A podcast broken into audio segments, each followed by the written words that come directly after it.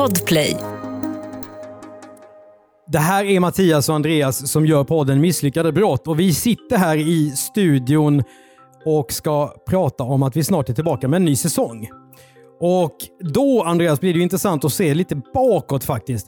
Om vi tar avsnittet när pojkbandsstjärnan blev polissak. Så har ju du en liten uppföljning på vad som hände efter det avsnittet. Ja, det här avsnittet handlar ju om en person som vi kallar för Ulrika och hon jobbade på ett IT-företag i Uppsala och hon påstod sig vara tillsammans med A.J. McLean, alltså en av medlemmarna i Backstreet Boys. Han med skägget. Just det, och hon sa ju då att han ville göra en sajt och att det här IT-företaget skulle göra den här sajten, men det visade sig ju att inget av det här stämde. Och då var det så att efter det här var publicerat så hörde det av sig en person till mig som hade jobbat på samma företag som Ulrika.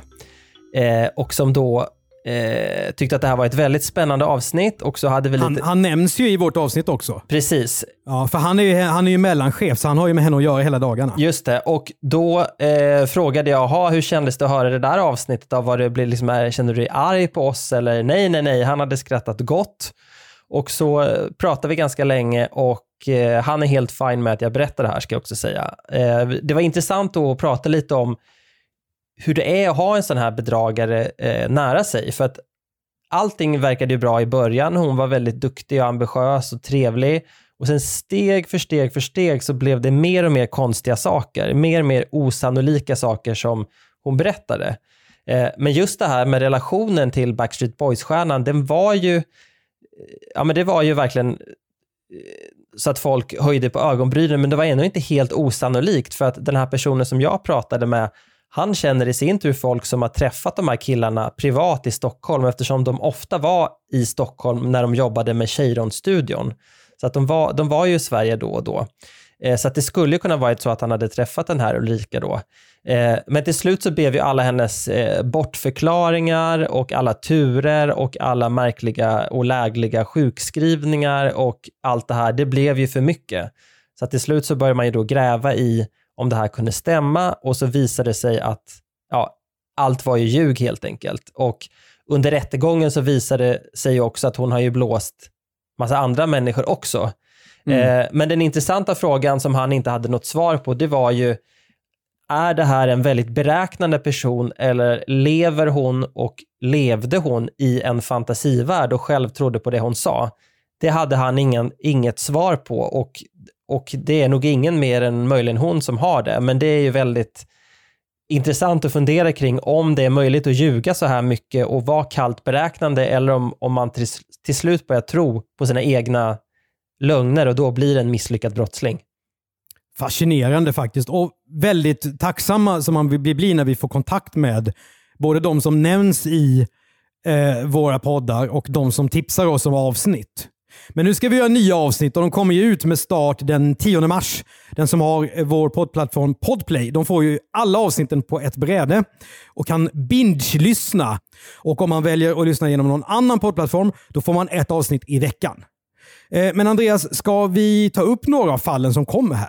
Och tisa lite. Ja, men det är två som jag har skrivit manus till som var lite extra roliga. Det ena är Läppe-Pelle, en, en småfifflare som sålde bilar utanför Vingåker och representerar en, en kategori som vi inte har pratat så mycket om här i misslyckade brott. Eh, och det var också ett tips från min kompis eh, Hasse Ekelund. Utan honom hade det inte blivit något avsnitt. Eh, Vad är det för kul med Läppe-Pelle? Nej, men en, en person som finns i alla mindre städer och, och, och samhällen så, som är bra på att tjäna pengar, inte går att lita på och som blir som en slags eh, profil i stan som folk ömsom eh, ser ner på och ömsom beundrar. Jag tror att du känner igen det där från din uppväxt också. Ja, ja, den lokala entreprenören. Eh, Det är nog lätt att känna igen. Just det. Ska vi ta, vad har vi mer för någonting? Ja, men vi har till exempel Fadde Darwich, den före detta eh, dörrvakten, eller ja, det är han fortfarande, men inte utanför Spybar där han stod på 90-talet och en bit in på 2000-talet, eh, som inte hade koll på någonting när det gäller bokföring och det slutade riktigt illa. Och då tar vi chansen att berätta historien om Fadde och hans märkliga relation med dokusåpastjärnan Linda Rosing och hans uppgifter om att han har sålt sitt bolag för en krona till en okänd person från Göteborg och sådär. Det var också ett väldigt roligt avsnitt att skriva. Ja, kul att höra. Har du någon favorit av, dem du har jobbat med? Ja, men jag väljer att lyfta fram avsnittet om den 60-årige mannen som gick in i riksdagen och eh, sköt skarpt i, i, mitt under debatten i riksdagen.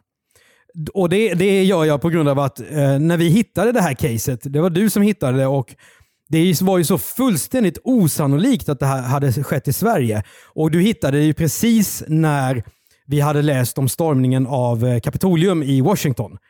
Så det var som att det klickade till i bägge våra hjärnor här. att Tänk att vi har haft en skjutning mitt i riksdagen. Som, som ingen av oss hade hört talas om och det som gjorde det ännu märkligare var att det stod om detta i DNs namn och nyttsida som är någon slags roliga timmen-forum för vuxna med bilder på potatisar i konstiga former och eh, roliga historier som i själva verket inte är roliga. Och eh, det är en, en mycket märklig del av Dagens Nyheter, men där fanns det här lilla guldkornet och sen så plockade du fram domar och gamla artiklar så att vi kan berätta den här historien om mannen som sköt skarpt i riksdagen.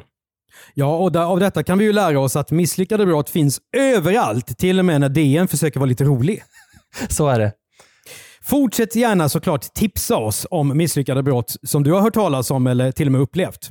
Eller hör av dig om du har något spännande att berätta som gäller de historier som vi redan har berättat om. För har du något drömavsnitt i vår, vår katalog, Andreas, som du skulle vilja höra mer om? Det vore kul om eh, huvudmannen i Grodmansligan, som är det allra första avsnittet, eh, hörde av sig och ville ge en intervju. Eh, det där finns ju med som ett kapitel i vår misslyckade brottbok, som man för övrigt gärna får köpa om man mm. inte har den. Och mm. i samband med att vi gav ut boken, då mässade jag honom, eh, eller jag sökte honom på något sätt för att jag ville ge honom chansen att, att eh, kommentera det vi skriver och då svarade han i ett sms ungefär eh, lycka till med boken, hälsningar Grodmannen. Så att om han hörde av sig och ville ge en intervju, då skulle det absolut bli ett specialavsnitt av misslyckade brott. Ja, jag vågar inte säga att vi ser fram emot det, för det är nog ett långskott. Men just att du redan har haft lite kontakt med honom, det är ju väldigt kittlande. Den 10 mars får du som lyssnar på Misslyckade brott genom Podplay tillgång till hela nästa säsong av Misslyckade brott. Du som lyssnar på en annan poddplattform får nöja dig med att få avsnitten ett i veckan utportionerat. Tipsa oss till misslyckade bplus.se och ja, vi hörs helt enkelt.